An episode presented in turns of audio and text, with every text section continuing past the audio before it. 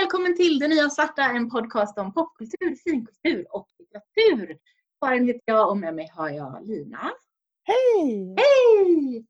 Och eh, vi provar någonting alldeles nytt idag. Vi kommer att sända ett prisavsnitt. Och det är på grund av att det är lite bökigare för oss att spela in just nu. Eh, här distanspoddandet går okej, okay, men lite bökigare är det allt. Så att vi kommer att sända lite repriser lite när vi inte får ihop det i övrigt framåt. Och Anna är tyvärr inte med oss idag utan det är bara vi som ska introducera vårt avsnitt om Buff. Ja. Ja. ja. Och det här var... Linda ser förvånad ut trots att vi faktiskt pratade om att vi skulle prata om Buff. det, det jobbiga är att jag inser nu att jag har inget som helst minne av vad vi sa när vi pratade om Buffy. Så att jag tänker att eh, det finns stor risk för att jag säger samma sak igen. Ja, men då får man ta det. Jag kommer inte riktigt ihåg heller. Det här var avsnitt 16. Mm. Jag kommer ihåg det som ett avsnitt som du och jag spelade in, lite sådär nödspelade in för att Anna av någon anledning inte kunde lite hastigt. Just det. Mm. Eh, för så är det ju ibland, att någon av oss inte kan eller någon av er inte kan ska jag säga. För om inte jag kan då ställer vi in. Precis. för då blir det liksom ingenting. Då får vi hitta på något annat. Du är en nyckelspelare i den här podden. Kan man säga. Mm. Eh, ja, precis. Mm. Annars så blir det inget inspelat. Så då kan ni sitta och prata av hjärtans lust om någonting men det blir inte inspelat. Lite... Då får, får, våra lyssnare ringa in och lyssna på oss bara live på telefon. Precis. Ja, men så vi pratade om Buffy och du och jag har ju en lång historia av att älska Buffy och se om Buffy som vi tror jag pratar om i det här avsnittet ganska mycket. Men det jag kan tillägga är ju att jag har sett om Buffy som jag så ofta gör från säsong 6 nu Mm. Så jag har sett mm. om alltihopa och igår så såg jag säsongsavslutningen av säsong 7. Oj! Mm. Och kontemplerar att börja om från säsong 1 igen. För att I dessa tider så är ju att se om saker mm. ja. Så att, eh, och, och, praktiskt och kanske ungefär det jag orkar med. Mm. Och jag slogs återigen av att säsong 7 kan ju inte jag. Mm. För den har inte jag sett om ens i närheten av så många gånger. Och det är ju inte säsong sju man längtar efter. Alltså, jag som inte har sett om den här på ganska många år nu mm. faktiskt. Mm. Eh, kan ju känna så här, åh, jag skulle vilja se Ska vi se Glory igen? Ja, förutom ja. säsong 6 då, som är min favorit, som jag alltid vill se om. Men, ja. men jag skulle vilja se Glory eller åh, jag skulle vilja se säsong 3 med, med Faith Mm. Eh, eller jag skulle vilja se när det är så tragiskt i säsong två. Så, men det är aldrig att jag känner så bara, åh, jag skulle vilja se om Buffy säsong sju. Nej. Men Buffy säsong sju, alltså det, det är både och. För det är ju det är ju väldigt mycket någonting annat. De visste om att det här var mm. sista säsongen. Mm. De trodde ju i säsong fem att det skulle kunna vara sista säsongen. De mm. gjorde ju ett slut på säsong fem som liksom var ett, av, ett riktigt avslut. Mm. Men i säsong sju så visste de verkligen att nu, nu är det slut. Mm. Och de gör ju massa saker som signalerar att det är slut. Nu är det slut, slut på riktigt. Mm. Och som till exempel, nu har jag precis sett de allra sista avsnitten och spoiler. Angel kommer ju tillbaka precis i slutet av näst sista avsnittet och i sista avsnittet. Och det är ju mest bara fanservice känns det som. Mm, mm. För han har ingen funktion längre där. Och det är otroligt, otroligt sjukt. För att då har Buffy och Spike precis haft en väldigt, men en väldigt känslosam sådär där de faktiskt efter all den otroligt sjuka, jättekonstiga historien som de har varit med om. Där de faktiskt ändå hittar, liksom känslomässigt hittar varandra på något vis. Mm. Där mm. i slutet. Som är ganska fint. Efter mm. allt det otroligt märkliga de har hållit på med. Och så kommer Angel. Och mm. de börjar hångla. Mm. Buffy och Angel börjar hångla och det är sådär, va? va? Nej. Mm. Nej. Jag, jag, förstår att det här är den stora kärlekshistorien. Och, men det är ändå så mm. att om man inte har träffats på några år, som det ju ändå är i det där läget, då har det hänt saker. Mm. Och man börjar inte bara hångla sådär. Det är jätte, jättekonstigt och bara mm. någon slags fanservice och upplagt liksom för att Spike ska stå och löma i ett hörn och se mm. förorättad ut. Mm. Mm. Och det är så, ja, fånigt. Mm. Mm. Ja, det lustiga är att jag som sagt jag har inte sett den här på flera år men det gör ändå ont i hjärtat när du pratar om det. Ja, ja. Det är, det, det är tufft. Det, det, det är tufft. Det, det påminner mig återigen om att jag har inte sett färdigt, och det säger jag säkert i det här avsnittet som mm. ni snart ska lyssna på, inte läst färdigt serietidningarna riktigt. Mm. För jag köpte aldrig färdigt dem för att det kändes som att det var så jobbigt på något vis. Och det tror jag handlar ja. lite om att den världen som säsong 7 etablerar är så annorlunda från hur mm. världen har fungerat innan mm. i den universumet. För det är den de får fortsätta på i serietidningsform. Sen är det ju, det är ju svårt att avsluta saker och ting. Ja. Det är ju väldigt, väldigt svårt. Och det, det, är ju egentligen vad som helst. Det plocka bara upp vilken serie, mm. Serie i bokhyllan som helst så är ju, det är ju nästan aldrig man är nöjd med ett slut. Därför att det är svårt med avslut. Och man mm. är aldrig nöjd med Alltså dels är det ju det grundläggande att om jag gillar någonting, då vill mm. jag ju inte att det ska ta slut. Nej. Punkt. Punkt. Då spelar det, eller det är klart att det spelar jättestor roll hur det tar slut. Mm. Men jag kommer att vara lite missnöjd hur de än gör för att mm. Det, mm. det, är slut. Eller hur? Ja. Ja. ja. Och det är svårt att knyta ihop alla, eh, alla trådar och det är mm. svårt att tillfredsställa alla. Ja, men det kan man ju se på Game of Thrones-debaclet. Liksom. Men, ja, mm, men, eh, eller eh, jag kommer ihåg min första sån här stora episka upplevelse var ju Sagan om ringen-böckerna. Och mm. oj jag tyckte det var ett dåligt slut. du menar vadå, vadå slut singularis? Det är ju helt slut i ja, ja, och han har ju ändå ansträngt sig för att ge oss hur många slut som helst. Han knyter ihop alla, ehm, alla trådar. Ja. Så, så det, det, det, är klart. Det, men, men här är det ju egentligen en hel, en, i Buffy är det ju en hel säsong som är ett slut, ett enda mm. långt slut. På, mm. som, och som, som du säger också går ifrån världen. Mm. Som gör om världen. Mm, gör om världen. Och det är ju... Och det, jag menar, det får man ju göra. Eller det, det, det, är klart att de får göra det. Men det mm. innebär ju att jag känner mig inte lika hemma i den säsongen. Nej. Det är också sådana där saker som att de för in nya kärleksintressepersoner som mm. vi inte hinner lära känna.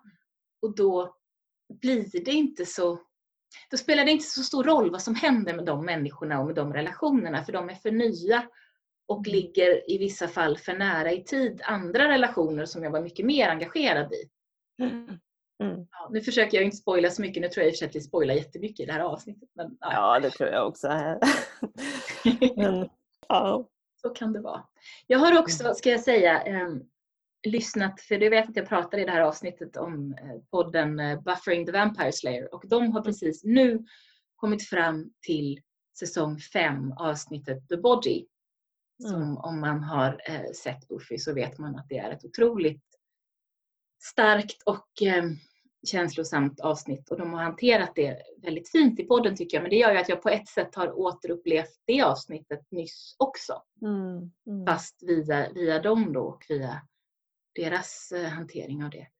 Och eh, säsong fem är ju en väldigt häftig säsong. Så är det ju. Det är ju ja. Men du som nu då har sett, sett, sett om den här serien i eller delar av den här serien mm. i lite mer vuxen ålder, mm. eller ännu vuxnare ålder än sist. Eh, håller den fortfarande? För jag är ju lite rädd mm. för att se om den. den.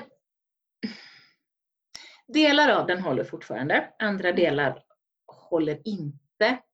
Eh, Sander, det vet jag att jag pratar om i, den här, i det här avsnittet, Sander som karaktär, speciellt i början, för då hade jag nog också sett, gjort någon om, omtittningsrunda tror jag, mm. håller inte. Mm. Um, han, hans, alltså komiken som bygger på hur han är mm. håller inte i väldigt stor utsträckning. Och det är ju, alltså jag kan ju säga att en stor del anledning till att säsong 6 är och fortfarande väl är min favoritsäsong är ju att det är så otrolig kemi mellan Spike och Buffy. Mm. Och det är klart att det var väldigt tydligt att det var en otroligt destruktiv och problematisk relation när jag såg den första gången också. Men den blir ju inte mindre problematisk och destruktiv, så, utan den är ju fruktansvärt destruktiv. Och, um, det är väldigt, väldigt, väldigt mörkt. Mm. Så, så att, och, och, jag tror att jag var lite blind när jag såg det första gångerna mm. av att jag var så liksom, förtjust i den här kemin, att de var så mm. otroligt eh, det var så otroligt häftigt mm. dem emellan. Mm. Och eh, det är det fortfarande men jag är mindre blind nu. Ja, jag tänker man kanske måste också ha genomlevt eh, en eller två destruktiva relationer för att se eh, för, för, att genomskåda myten om den romantiska destruktiva relationen ja, som ju exakt. är oerhört vanligt förekommande i allehanda. Och där måste vi väl ändå säga att det, där är det ju ändå all ära till Joss Whedon som inte lät det bli en romantisk... Nej. Fast, men, fast ja, alltså, ingen ära till Joss Whedon för han är uppenbarligen en skitstövel, vilket ja. är synd. Men, eh, men det han har skapat här kan jag ju fortfarande få tycka om. Ja, nej, men jag bara tänker men, att här... men jag tycker ändå att... Det blir inte det här och så kysstes de i slutet och sen så blev allting bra. Nej, precis. Det blir inte det. Och i säsong sju så blir det ju ändå så att eh, Spike får ju en själ och det mm. ändrar ju på saker och det gör jag vet att jag första gången jag såg säsong sju så önskade jag att de skulle komma tillbaka till en sexuell relation. Mm. Spike. Eh, och det gör de inte och det är jag nu väldigt, väldigt glad för. Mm. Ja. Mm för att det funkar mycket bättre. Men så att den, den, eh, de, de senare säsongerna håller bättre men det är mm. fortfarande så att det finns väldigt mycket som är problematiskt mm. i den här mm. serien och det kan man väl egentligen inte förvänta sig något annat. Nej men dels har det ju gått ett antal år och sen så är ju inte vi kvar i samma läge längre. Alltså det här är en växa upp-serie. Mm. Eh, komma, till, komma till vuxen ålder-serie.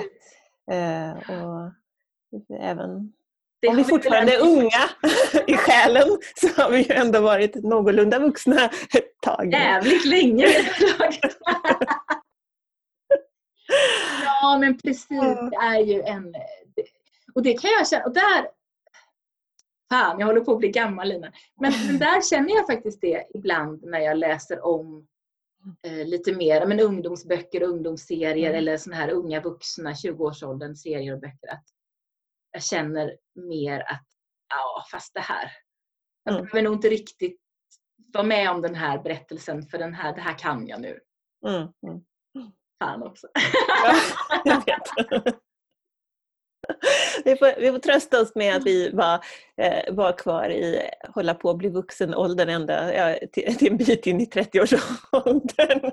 Ja, en bra bit in i 30-årsåldern. Lång, lång bit in i 30-årsåldern. Nej, men alltså det, det, är ju, det finns ju, så här är det ju, man blir ju vuxen hela livet. Så att det är klart att det finns relevanta delar. Alltid. Ja. Och om man tänker det grundläggande med Buffy som ju är så bra är dels att det är den eh, lilla blonda tjejen som slår tillbaka. Mm. Det är bra. Mm. Och den andra grundläggande är ju att det är en sån otroligt häftig genremix. Mm. Som man inte stöter på så ofta. Som är action och skräck och drama och komedi, allt i en enda eh, mm. blandning. Och det, det gillar jag fortfarande väldigt mycket. Och så just det här som jag kan verkligen sakna, det här att vara i deras språk. Ja. I deras ja. i, i skämten, mm. i jargongen. Mm. I, alltså de, de, de skapar ju ett eget mm. språk i mm. serien som är mm. så härligt. Ja. Witty och kul. Liksom. Ja. Men du, jag tror vi pratade om det då när vi pratade om det här, men, men det skulle ju komma en ny Buffy. Har det hänt något på den fronten? Vet du någonting om det? Nej, vi pratade lite om det i vårt bonusavsnitt när vi pratade om inför 2020. Ja, just det. För några månader sedan. Och då kollade jag ju och då var, fanns det inga flera nyheter på den punkten. Så att jag an, jag antar att den ligger i någon slags development hell någonstans och kanske kommer loss eventuellt. Ja, just nu så går väl inte att göra någonting överhuvudtaget. Nej, precis. Vet. Ja. Ah, ja, bra. Eh, så att, men eh, ja. Jag hoppas ju fortfarande att det kommer något nytt i det här universumet och det var ju så det var, det var planerat att vara. Inte en, inte en remake utan en, mm. någonting annat. Mm en ny Slayer i, ett, i det universumet. Och det, det är jag helt klart ombord för. Mm. Mm. Vi får väl se. Ja. ja. men då får vi säga så här att eh, här kommer vårt avsnitt, avsnitt 16, som handlar om Buffy och vi ber om ursäkt om vi säger samma sak flera gånger. och eh, ja, ha det så trevligt. Hej, hej!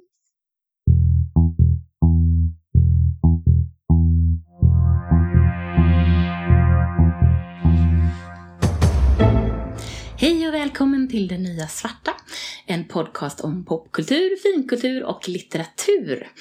Eh, idag ska vi babbla lite om eh, ja, tv-serien Buffy the Vampire Slayer och kanske lite annat relaterat till den. Karin heter jag och här har vi Lina. Hej, hej. Hej, hej. Eh, ja, hörru du, vi kan väl börja med våra, eh, hur vi hittade till Buffy helt enkelt. Eh, och jag kanske ska börja för det var tidigare i tid. Gör det. Jo, men jag såg, eh, jag tyckte den verkade vara en ganska konstig tv-serie. Jag förstod mig inte alls på vad det egentligen var. För den, den var ju ganska, den var ju liksom genreöverskridande. Så att jag vet att jag såg bitar av den på tv och tänkte Jaha, det är någon slags skräckserie. Nej, det är någon slags actionserie. Jaha, det verkar vara någon slags drama. Jag fattade verkligen ingenting. Och tyckte inte heller att det verkade så intressant faktiskt. Eh, och sen så eh, mötte jag en person som tvingade mig att se eh, första säsongen och sen var jag ju fast och såg allt, allt. Och sen vet jag att när jag var och hälsade på dig i Umeå när du bodde där mm. så tog jag med mig första säsongen och det var vinter och nyår och du bodde i den där fantastiska lägenheten. Mm. Eh, och vi tittade tillsammans. På hela första säsongen, ja. på några dagar. Ja, och det är ju bara, ba, bara 12 avsnitt, mm. men jag tror inte vi gjorde så mycket annat. Jag tror inte heller det. Den där vintern eller den där ja, Du hade tagit turen. med dig, du hade specialköpt räkor från Göteborg som du fraktade med dig, ja, så vi åt räkor. Det. det var lika dyrt som hummer för det var en då, ett dåligt räkår, men du tog med dig färska räkor från Göteborg och så tittade, ah. åt vi räkor och tittade på Buffy. Ja, men det var ju det gjorde vi ju rätt ja. För jag tror att det, alltså jag hade nog upplevt exakt samma sak som du. Jag hade också sett mm. glimtar av det på tv och tyckt att det såg jättefånigt ut. För att också i första säsongen så är ju också vampyren, de ser ju lite B ut när de blir vampyrer. Ja, så. och de ser ju egentligen, eh, nu är jag ju så uh, vansinnigt förälskad i den här serien och det är liksom en sån här lång Ja, det är ju kärlek helt enkelt. Det är en, en lång, långt eh, gången förälskelse eh, som har hållit på i så många år. Så nu tycker jag ju att de ser ganska fina ut som vampyrer också. Men de ser ju de ser groteska, de är så fula som vampyrer. Det är mm. absolut inte som det som kom sen med Twilight med glittrande vampyrer i solen och annat uh, sött och rart. Utan uh, de är fula och det har ju Joss Whedon som är skapare till den här serien sagt. Att han, att han ville att de skulle vara fula för att de skulle, de är monster och de ska vara groteska.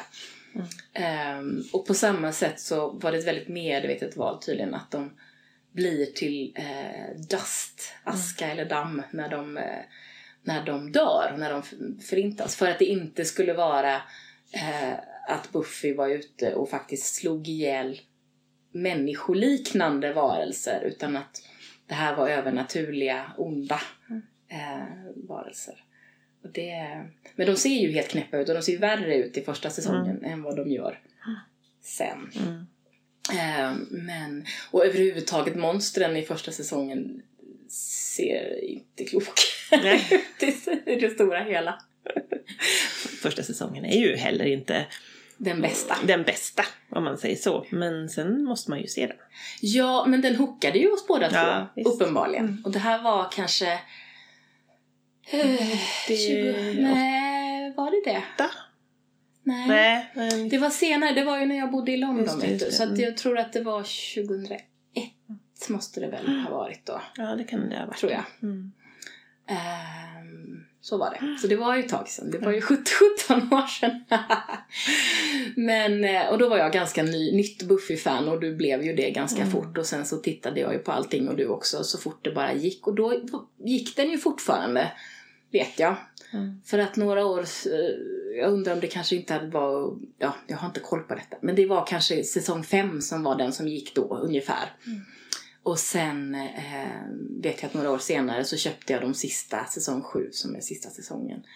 Eh, på VHS, direktimport från USA, jättedyrt precis när de kom. Mm. Ja.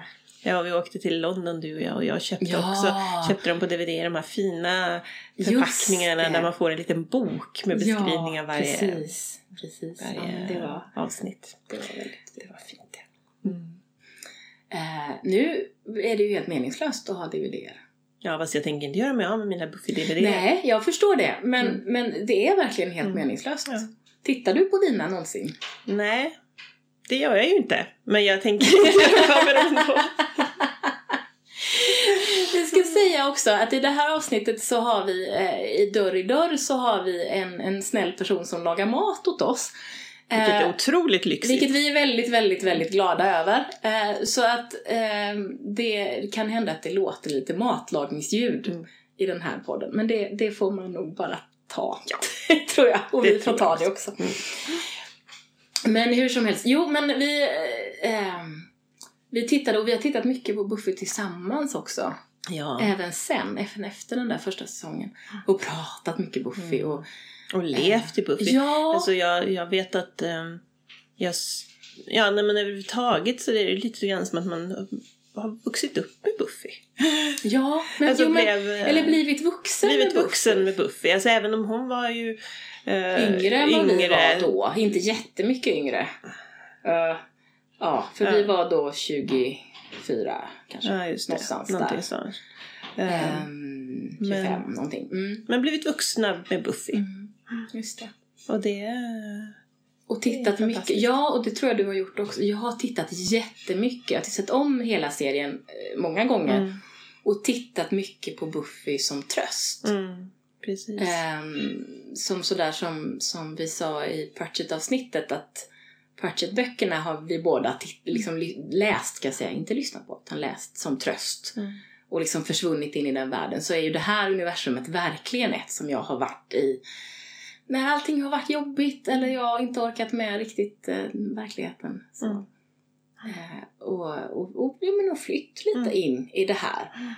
Eh, och jag tror att den här, det här som jag tyckte var så konstigt från början som handlade om att det är väldigt genre ospecifikt och eh, liksom svårbestämt. Eh, det är ju det som jag älskar nu. Mm. Att det är allt. Mm. Eh, och det här att de har ett eget, en, ett helt eget språk som mm. naturligtvis är ganska orealistiskt att ett gäng tonåringar på eh, ett gymnasium skulle kunna utveckla. Men det är så fint och de mm. pratar så, eh, de är så, liksom, de pratar sådär snabbt och smart mm. och eh, roligt mm. Eh, som jag blir lite lycklig av. Ja, det är en väldigt intelligent serie på ja, det sättet. Alltså det det, sättet. Den är lättillgänglig, den är rolig, den är sorglig Mörk. och hemsk. Men den, och den, den är smart. Mm, den är smart. smart. Mm. I grunden är den väldigt smart. Vi kanske ska, om det nu råkar vara så att någon inte vet vad den handlar om. Mm, Hur man nu inte kan veta det. Men... Hur man nu inte kan veta det. Mm. Så handlar det om eh, den, den utvalda eh, eh tjejen i hela världen som är eh, dråpare heter det på svenska, mm. The Slayer på engelska eh, som eh, ska skydda världen från vampyrer, demoner och allsköns otäckheter och monster. Eh, och det kom ju en film först som Joss Whedon hade skrivit men som han inte regisserade om jag kommer ihåg rätt med Christy Swanson som Buffy. Och vad heter han? Från eh, Beverly Luke Hills? Perry ja, som hennes eh, pojkvän-ish. Precis. Um, och de har faktiskt, när de gjorde Buffy-serien så la de ju ändå som om filmen var den som hade hänt först och sen kom hon, hon och hennes mamma, hennes föräldrar skilde sig, hennes, hon och hennes mamma flyttade till Sunnydale. Uh, som man ganska snabbt får reda på ligger på en hellmouth, någon slags eh, uh, helvetesgap ehm, och därför är det osedvanligt mycket eh, demonisk och vampyrisk aktivitet där. Så hon har mycket att göra, Buffy. Mm. Och när då en, en slayer dör så tar nästa slayer ja. Så det är någon slags Precis. blodslinje där. Mm. Precis. Och eh, det som händer, nu spoilar vi första säsongen av mm. Buffy. Det som händer i slutet är att Buffy faktiskt dör i ungefär 10 minuter, en kvart eller mm. något sånt. Och det betyder att en ny Slayer blir kallad så att linjen egentligen flyttas redan då från Buffy till eh, någon annan. Det gör ju att det finns två Slayers i världen från och med den. Däremot är det inte två Slayers med i serien mm. hela tiden från och med då. Men det finns i alla fall. Och det är, är, är spännande. Men det som egentligen gör, tror jag, eh, som är så himla sympatiskt också med den här serien, det är ju att hon har kompisar. Mm. Och hon har väldigt eh, intressanta, skärmiga kompisar som man kan relatera till i det stora hela. Eh, Willow är ju hennes, eh, Willow Sander är hennes närmaste bästa vänner och Willow är en, en nörd. Mm. Nörd, typisk nördtjej. Hon börjar att vara datanörd. Typ. Mm. Bara en sån där duktig, duktig i skolan, datanörd, smart som sjutton. Kanske inte eh, den mest utvecklade sociala förmågan eh, i alla lägen och framförallt inte i det här tonårssociala. Ganska duktig på vuxna, det vuxna sociala men kanske inte det tonårssociala. Eh, och eh, Sander är ju eh, han är ju lite trist faktiskt egentligen. Ja, han, är, han väl, är, lite söt men trist. Ja, den söta, den lite roliga, den lite klumpiga, lite, lite Tafatta, säger han säger väldigt mycket dumma mm. grejer. Mm. Och det blir lite bättre ju längre serien går. Men speciellt, jag såg om den i våras kanske det var. Mm. Och det är klart att han, han vräker ju ur sig grodor och med 2018 mm. års ögon så är grodorna mycket tydligare än vad de har varit för mig kan man väl säga. Det är ju ett bra tag sedan jag såg den här serien ja. faktiskt. Så att jag, jag kan tänka mig att det är så. Jag, jag kan ju inte... Mm. Ja. Mm. mm. Men han, han ja, mm. så, så är det. Mm. Eh, och eh, sen så tillkommer det ju flera i, i eh, andra säsongen skulle jag tro att det är så kommer Oz också. Mm som är varulv, eller om han kommer redan. Nej, han kommer inte i första säsongen. Nej, han kommer i alla fall i andra eller tredje säsongen. Och så Cordelia. Och Cordelia är med från början. Hon är ju den populära tjejen i skolan och leder eh, Cordelia-klicken, The mm. Som är de populära bitchiga tjejerna. Och eh, det konstiga med det på något sätt egentligen historiemässigt är ju att hon på något sätt, hon får ju reda på i, under första säsongen att det finns eh, vampyrer och monster här i världen och hon allierar sig liksom lite i smyg med mm. Buffy och hennes kompisar för hon inser att det är ju bra om det kommer läskiga monster. Men eh, ja, hon, hon erkänner, det tar ju lång tid innan hon erkänner att hon faktiskt är kompis med dem. Mm. Och sen så har ju Buffy sin, um, vad heter det, Watcher. Uh, ja, Giles, som, som är, är bibliotekarie va? Skolbibliotekarie. Precis. Eh, och Britt. För mm. att av någon anledning så är The Watchers Council är situerat i Storbritannien. Mm. Um, så det var lite om vad det faktiskt handlar om och nu det finns ju så, så mycket underbara karaktärer. Vem, om du tänker på, förutom Buffy då, vi tar bort Buffy. Om du tänker på hela serien, vem är din favoritkaraktär? Oj, vilken mm. Eh, fråga. Jag kommer fråga om favoritskurk sen så du kan, eh, om du har någon som passar in i båda så kan du Oj välja och vraka? Ja, ja om jag, någon som passar in i båda. Det är klart att min favoritkaraktär är ju Spike. Ja. Det finns ju inte någon, det finns inte någon annan. Sen är jag väldigt, väldigt förtjust i Giles. Jag tycker att mm. han är en mm. underbar karaktär. Mm, eh, men, men, men Spike, herregud, ja. Spike. ja, alltså jag älskar ju Spike även om eh, Spike är ju då en vampyr som kommer in i säsong tre tror jag det eh, Och eh, som liksom hänger i och kommer tillbaka i flera omgångar och som har väldigt spännande resa från bara rakt av ond till något annat. Mm.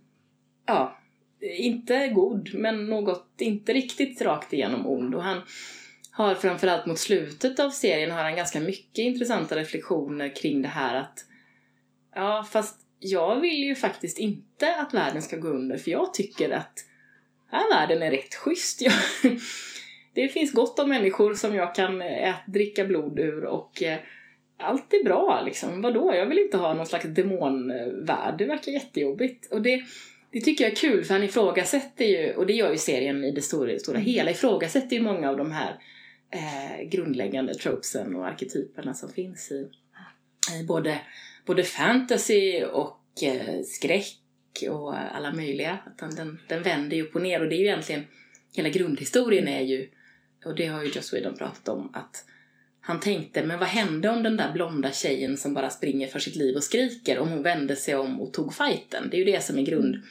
Eh, och någonstans så tror jag att den idén som ju fördes in med Buffy då har bli, nu blivit eh, lite mer mainstream. Så det är inte lika konstigt Nej. längre att tänka så som det var på 90-talet när den här serien kom. Och framförallt när, när filmen kom i början av 90-talet någon gång. Mm.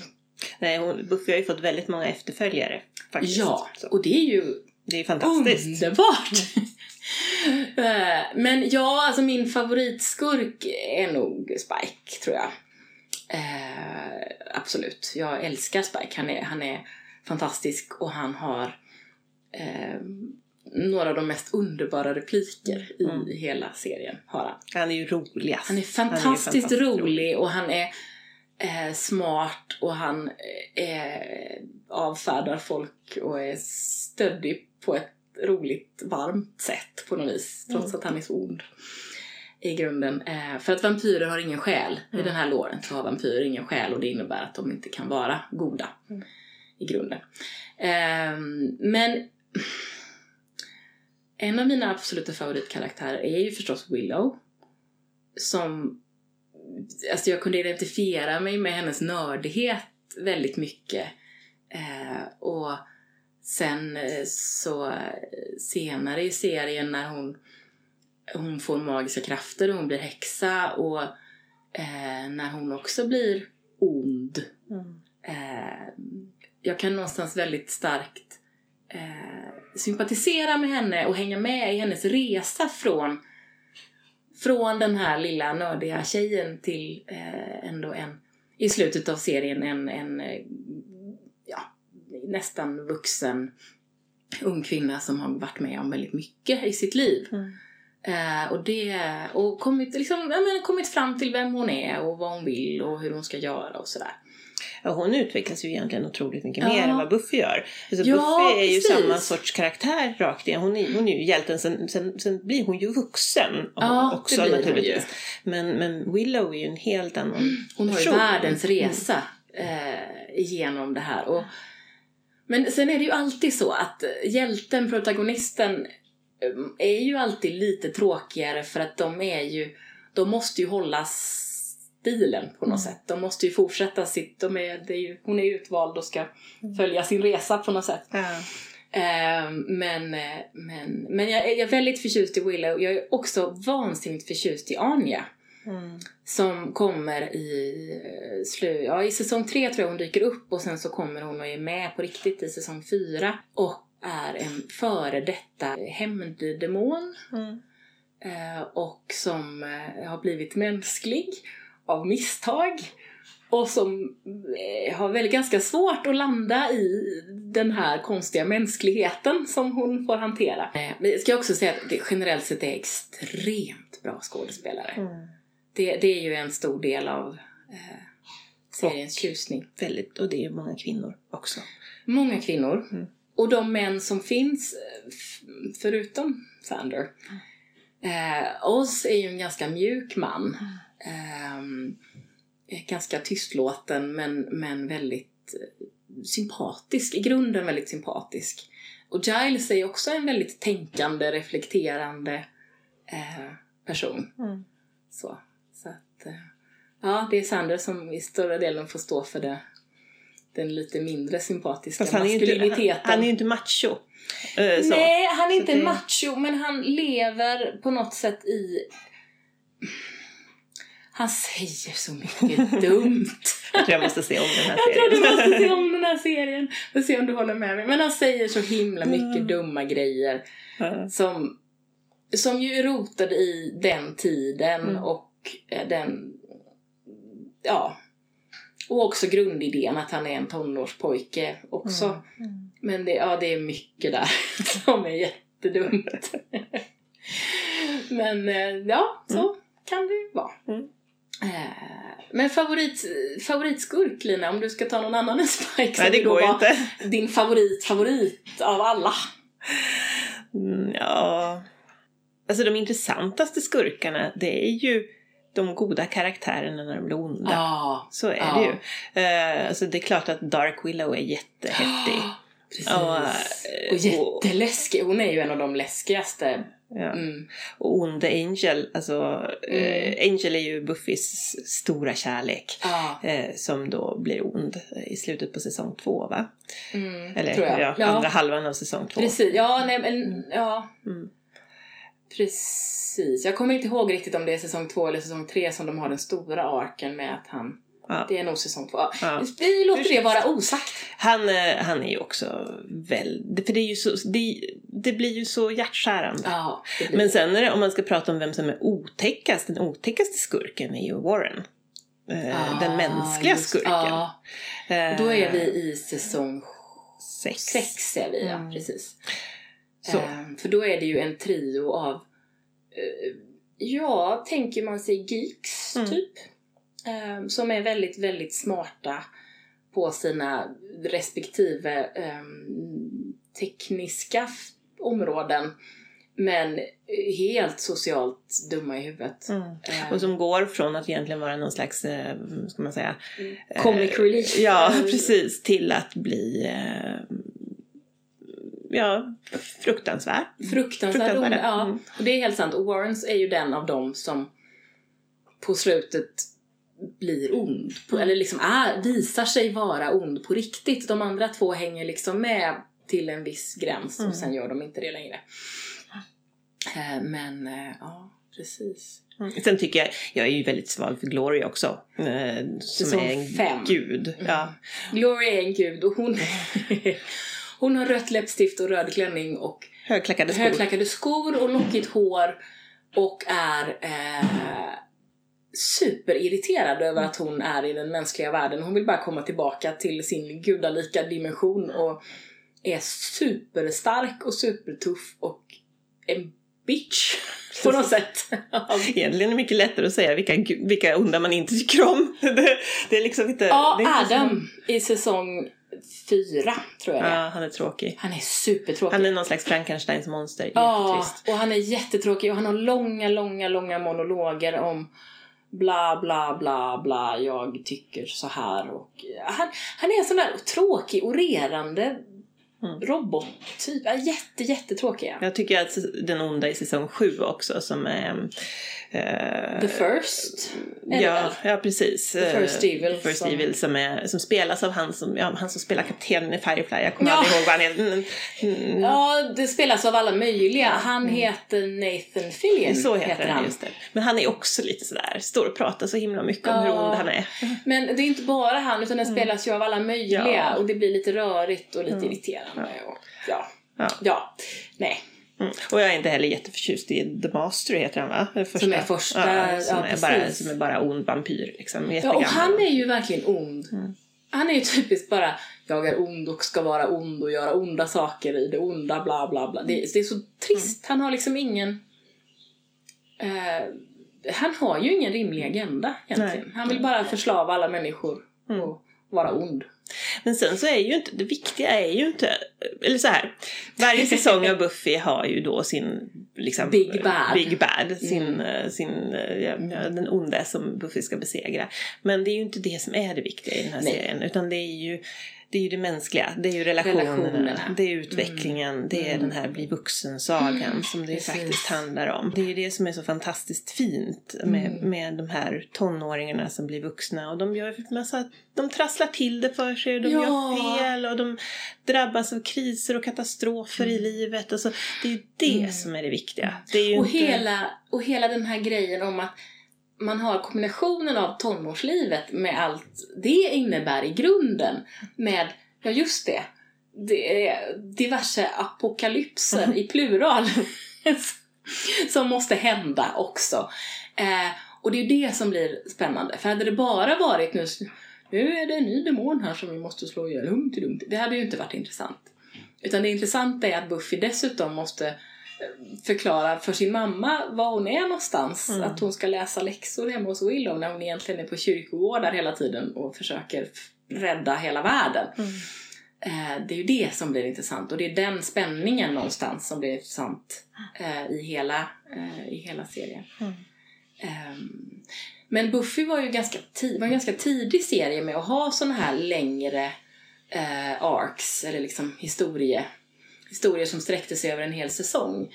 Där man absolut kan ha eh, veckans monster också. Mm. Men där det ändå bygger upp mot en, en slutpunkt och en slutfight. Det, det var ju absolut så att det fanns serier som hade gjort det innan men det var en av de tidigare serierna som gjorde det. Vi kan ju inte riktigt låta bli att prata om Joss Whedon eh, anklagelserna som kom mot Joss Whedon för mm. något år sedan heller.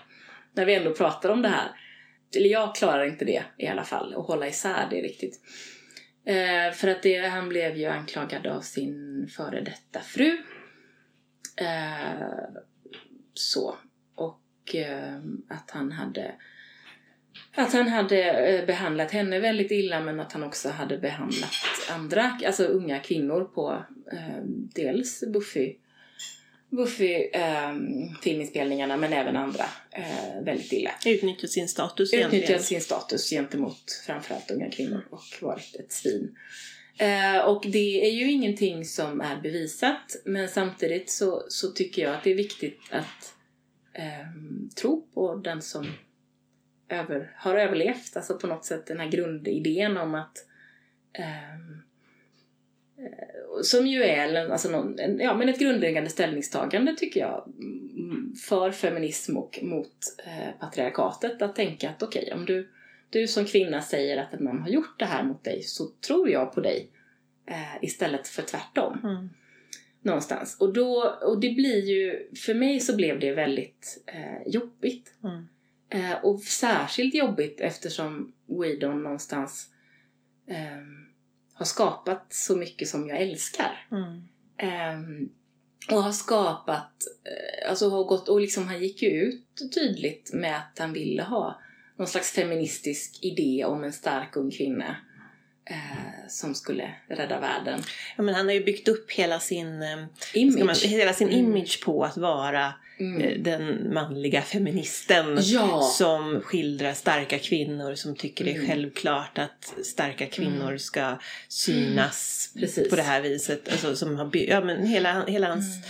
ska man säga, hela hans verk Precis. har ju haft den inriktningen. Och den liksom, det har andats det. Och han har ju tror att han har vunnit en del på det också. Ja, han har säkert förlorat en del på det också för att eh, så är det ju. Eh, men jag tror att han har vunnit en del på det och jag tror att vi var många fans av hans eh, verk som tyckte att det blev väldigt svårt mm. eh, när det här kom ut. Eh, och på något sätt är det ju också så att man kan ju inte... Det är ju han som har skapat historien och han har skrivit många avsnitt och han har regisserat många avsnitt. Men det är ju också så att det är ju vansinnigt många andra människor som har skapat den mm. också liksom varit med och sett till att den här serien som jag älskar så mycket har blivit till. Eh, så det går ju inte, jag, jag tänker inte döma ut den på grund av det. Nej, det kan man ju inte riktigt göra. Och speciellt inte i efterhand Nej. på något vis. Alltså det här är ju en, eh, det är en serie som, som, som Ja, som, som har varit revolutionerande ja. Eh, och som har gett oss fruktansvärt mycket mm. och som har på något sätt gett väldigt, väldigt många väldigt, väldigt mm. mycket. Eh, så det är klart vi kan inte döma ut det men det sätter ju verkligen fingret på det här problemet mm. med geniet som visar sig vara ett svin. Ja, kanske. Precis, och, och, och, och det här som ju, och det ligger ju naturligtvis mm. i tiden just nu att många genier eh, mm. blir avslöjade som mm. svin. Um, vilket ju är naturligtvis är förfärligt på alla möjliga sätt. Men vilket kanske inte heller är så konstigt. Därför att vi lever i ett patriarkat och vi lever också i ett samhälle som idoliserar de här kreativa genierna och som ursäktar dem mm. väldigt mycket. Eh, så att jag tänker att män som eh, på något sätt har upphöjts till den statusen um, får nog ganska lätt den här formen av storhetsvansinne där de tror att det inte går att komma åt dem och de tror att de kan göra som de vill. Mm. Så. Eh, vilket ju är helt sjukt. Och gömma sig bakom också, ja men jag tillhör ju de goda. jag gör ju det här. Precis. Mm. Jag är ju så god. Mm. Eh, och det är, alltså snacka om nyanser. Eh, så. Men, eh, men det jag kan säga är väl att det får mig ju inte så sugen på att hänga med Weedon in i något nytt projekt han håller på med. Nej. Det, och då kan jag väl i och för sig säga att det han har gjort de senaste tio åren har jag kanske inte varit lika intresserad av som Buffy. Eh, han har ju regisserat en del eh, Marvel, någon mm. Marvel-film eller några stycken kanske, jag kommer inte ihåg riktigt. Och han har gjort lite annat som jag inte har varit sådär jätteengagerad i. Eh, och det handlar ju lite om att jag är mer intresserad av mer eh, det här lite fantasy-skräckartade som var Buffy än de andra genrerna som han gärna rör sig i. Mm. Så kan det ju också hända. Det, ja. ja, och sen är det ju när man har haft en sån otroligt stark ja. upplevelse som det var med Buffy för oss båda mm. så tror jag också att det är svårt. Man letar efter det. Ja. Man letar och hittar efter, inte det. Ja. Och det är ju jättes, det är klart att det är jättesvårt. Vi, vi, kan, inte, vi kan inte växa upp tillsammans med en, Nej, det kan eller bli vuxna tillsammans med en kar karaktär. Och vi kan inte, alltså, ja. Nej, men sen så tycker jag ju att det, det jag har sett som Joss Whedon har gjort efter Buffy, det har ju varit bra. Ja, det men, har ju varit kvalitativt. Ja, men, men kanske inte lika intressant. Och där, mm. uh, har du sett hela Angel? Nej, jag har Nej. sett den första för tre, fyra säsonger. Ja, för jag tror att det finns fem säsonger och jag tror att jag har sett de första fyra.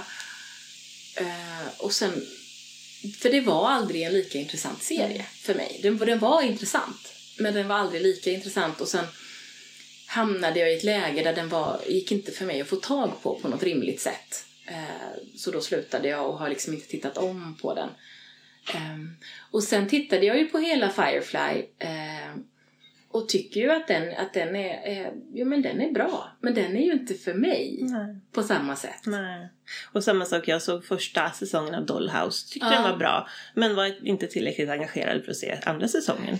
Nej, Dollhouse tror jag att jag såg jag tror att det bara var två säsonger mm. om jag kommer ihåg rätt. Jag tror att jag såg båda säsongerna om jag kommer ihåg rätt. Men mm. eh, problemet med den, om man nu ska prata mm, vad den handlade om, det var ju att de var Eh, Eh, de här eh, dock, dockorna eh, lånade ju, eller blev ju olika personer hela tiden. Så att den här grundkaraktären som eh, Eliza Dushku spelade, hon, det var ju hon som spelade Faith som var en slayer i Buffy också. Eh, men den grundkaraktären som hon spelade, den fick man ju inte träffa så mycket utan man fick ju mest träffa henne när hon var någon annan. Och det var ju likadant med de andra personerna, alltså dockorna, eller vad man nu ska säga, som hon omgav sig med, som var hennes gäng. Att man mest fick se dem som något annat. Och det gjorde att det var väldigt svårt för mig att bli känslomässigt engagerad i de här karaktärerna mm. när jag liksom inte fick se dem tillräckligt mycket. Även om jag då tyckte att de var ganska intressanta. Mm. Mm. Så det var en, grundpremiss som gjorde att jag liksom inte fick, inte blev så, det var inte så spännande. Nej. Helt enkelt. Men sen, och sen är det ju, alltså det är ju någonting speciellt med den här växa upp eh, växa upp-genren. Mm. Som Då var vi ju ändå ganska gamla. Ja, alltså, men det, är ändå, det finns, det finns ju ändå möjligheter i det. Och det mm. fanns ju också, och sen så var det väl också, det här var väl det, alltså det var ju inte det första Joss Sweden gjorde, men han har ju använt så mycket av de här sakerna som mm nu tänker jag på det här fruktansvärda avsnittet när Buffys mamma dör. Mm. Där han använder sin egen... Eh, Säsong fem, ja, tror jag. Sin egen mors mm. död, mm. tror jag, i det. Mm. Liksom. Och som också som berörde mig fruktansvärt mycket eftersom oh, min mamma blev ska, ja. hjärnskadad under mm. samma tid. Liksom. Mm. Att det, eh, det brinner. De här avsnitten, snitten, som verkligen som är de, de bästa Buffy-avsnitten. Det där har han ju använt hela sig i. Och, och skådespelarna ja. och manusförfattarna har också använt hela sig. Precis. Eller hur? Ja. För att någonstans så, där hade han ju en sabla tur som fick tag på Sarah Michelle Gellar ja. som spelar Buffy. Som även om vi nu sa att hon var en tråkig protagonist mm. så hon ju Hon kan vara rolig, hon kan vara tuff, hon kan vara superkänslosam, hon kan vara kär, hon kan vara mm. ledsen, hon kan slåss som bara 17, hon kan göra volter, hon kan sjunga, mm. hon kan dansa, mm. hon kan allt den här kvinnan. Så att, eh, och det tror inte jag att de visste riktigt Nej. när hon blev, eh, när hon castade henne. De visste ju säkert mycket. Mm. Men hon var ju en såpa-skådespelare och hade inte gjort speciellt mycket innan Buffy. Mm. Nej, och hon är ju, eh, nej, hon är ju en suverän skådespelerska. Ja. Jag undrar för hon har ju inte gjort så himla mycket efter Buffy. Nej, eller hon har gjort ganska mycket men hon har inte gjort så mycket som jag har tyckt varit intressant. Nej. Hon var någon ganska kortlivad tv-serie som jag försökte titta på där hon spelade tvillingar. Ja, just det. Den såg jag också. Uh, den var helt okej okay, tyckte jag. Men jag, och då ska jag med liksom, jag har inte tittat på alls ens i närheten av allt hon har gjort. Men det jag har sett så har jag inte sett att hon har fått använda hela sin eh, otroliga eh, liksom, räckvidd som skådespelare. Eh, som hon gjorde i Buffy. Och det är klart att den, det är klart, man tänker en, en en tv-serie på sju säsonger så hinner mm. man ju mm. visa rätt mycket. Ja men det är ju det som gör tv-seriegenren oslagbar. Så underbar! När det blir sådär bra. Ja. Ja, nej men det är ju det. Ja, när Buffy är ju alla genrer samlade i ett. Mm, precis. Och kan vara. Och, och det avsnittet är vansinnigt starkt. Eh, sen var ju jag under en period eh, ja, förälskad var jag nog inte, men besatt av Spike mm. under den här säsong 6 mm. när han och, och Buffy har en eh, ja, en relation är väl baske mig att ta i. De en relation riktigt... har de ju, typ jo, någon form av relation har de Ja, ju. Men de är ju någon slags, de, de har sex och är arga på varandra kan mm. man väl säga att mm. de har. Uh, och jag tyckte att det var, alltså de två tillsammans var så otroligt eh, eh, laddade. Så att jag blev alldeles förälskad mm. i, i, i Spike som karaktär. Även om han ju är jätteond. Fast det där, jag tycker ju också att det är lite, det där är ju också lite intressant för att han är ond för att han inte har en själ. Men han går ju faktiskt ut och skaffar sig en själ för mm. att han vill bli en bättre människa av kärlek ja. till Buffy. Och det gör han i slutet av säsong 6. Ja. Så att i säsong 7 har han en själ. Till skillnad från då Angel som bara blir förbannad med en ja, själ precis. och därför är god. Men som när han blir ond gör han ju ingenting för att skaffa sig tillbaka sin själ. då säger han bara haha vad kul, så, jag är ond. Så på det viset så utmanar ju Spike mm. egentligen hela grundförutsättningen i det här. Är man verkligen så ond bara för att man inte har en själ. Eller vad, ja.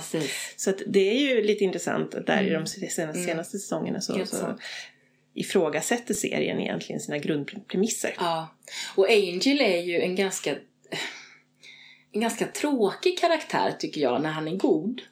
Eh, därför att han, visst det är, det är en episk kärlek och det är fenomenalt sorgligt och romantiskt alltihopa och, och där hänger jag ju också med.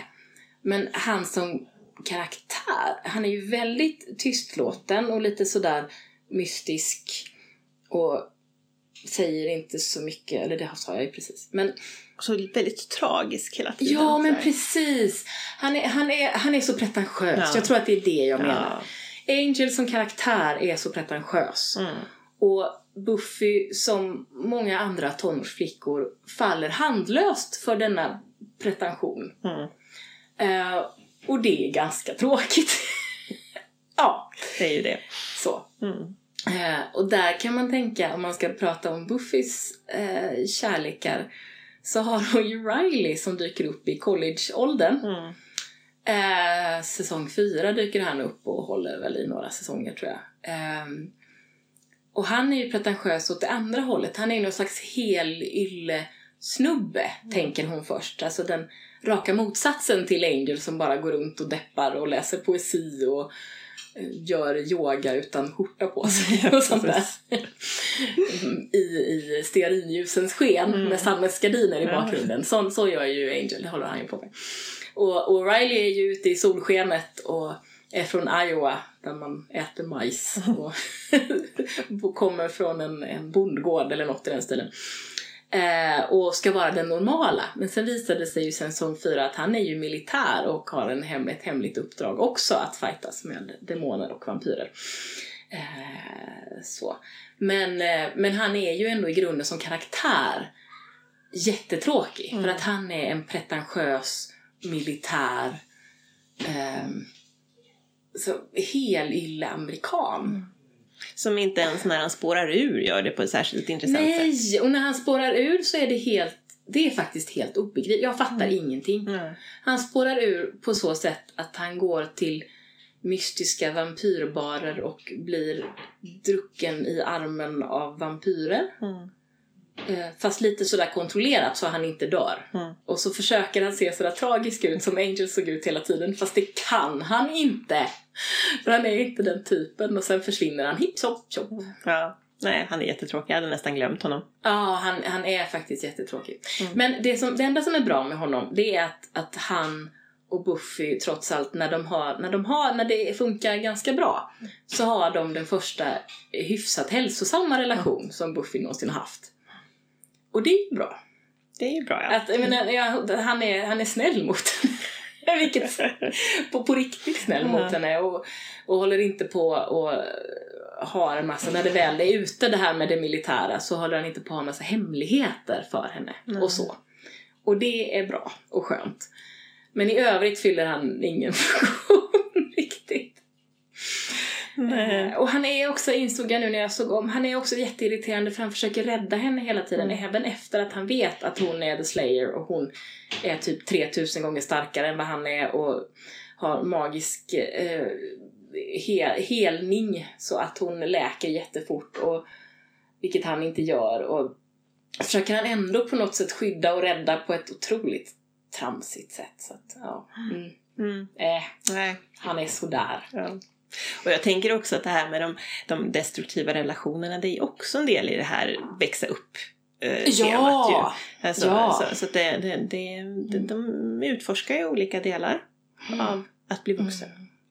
Men alltså den, den mest ändå, tycker jag, hälsosamma relationen, tror jag, i den serien, det är nog ändå mellan Willow och oss mm. i när de går på high school. För de är faktiskt, i större delen av deras relation så är de ärliga mot varann och snälla mot varann och eh, försöker göra sitt bästa båda två. Sen så skiter det sig på lite olika sätt. Men... Så jag måste se om den här serien nu som vuxen. eller jag, jag var, ja. vuxen, eller jag var, var, väl mer eller mindre vuxen. men sen har jag ju sett om den ett antal gånger ja. nu. Men det, ska, måste vara, det, det måste vara intressant ja. att se den igen nu. Det är det. Nya eh, glasögon. Tyckte jag. Och, och sen en annan väldigt fin relation är ju den mellan Willow och Tara som vi inte har pratat om än. Mm. Eh, som ju kommer sen. Eh, och det är en jättefin relation eh, men som Willow förstör. Där hennes magi blir liksom en, en, ja, men som en allegori för ett beroende och hon förstör relationen genom att ljuga och vara eh, otroligt destruktiv mm. utifrån ett beroendeperspektiv. Men eh, efter en stund där så är det också en väldigt, en väldigt liksom, hälsosam fin relation. Um, Anja och Sander är också ganska bra sen. Ett tag. Mm. Mm. Helt okej okay, i alla fall. Ja men precis. Fast han är ganska emotionellt eh, korkad och hon är en före detta demon som inte förstår sig på hur man är människa. Har sina men, utmaningar. de har sina utmaningar men jag tycker ändå att de, ja, men de mm. får, får till det där ett tag. Mm, mm. Nej men visst, det är ju... Nej, men den, den, ja, nej, men det är ju en serie som handlar om väldigt många, som, tar, som inte, trots att den riktade sig ut till ungdomar, mm, eh, så tar den ju, den väjer ju inte för det svåra. De, det svåra. Nej, det är ju precis. trots allt en hel säsong när Buffy är djupt deprimerad. Ja. Eh, som, och Ja, så tar den upp, mm. ja men som till exempel mm. Willows drogmissbruk mm. eller vad ska ja. man säga, magimissbruk mm. ska man snarare, mm. snarare säga. Och, ja men, och, men de gör varandra illa personer ja, i den här för det gör serien. man ju mm. som människa. Ja, så och, mm. Precis. Ja, jag tror att vi börjar vara klara. Jag tror att vi aldrig kan bli klara när vi börjar prata om Buffy, men vi måste nog avrunda. Nej, det här är ju egentligen bara att skrapa på ytan. Ja. Det är ju faktiskt som vi sa lite med Discworld, vi skulle kunna prata Buffy alla vi skulle dagar. ha haft en podd om Buffy. Ja, vi skulle kunna haft en podd om Buffy. Men, men eh, det ska vi inte ha. Eh, men vi kanske återvänder till eh, Buffyverse, eller i alla fall Whedonverse, mm. lite mer i stort eventuellt framöver. Vi får väl se. Tack för att du har lyssnat på Det Nya Svarta. Om du vill veta mer eller kommentera det vi har pratat om hittar du oss på Facebook, Det Nya Svarta Podcast, på Instagram, Det Nya Svarta understreck podd, eller mejla till nyasvarta gmail.com. Alltså nyasvarta i ett ord, at gmail.com.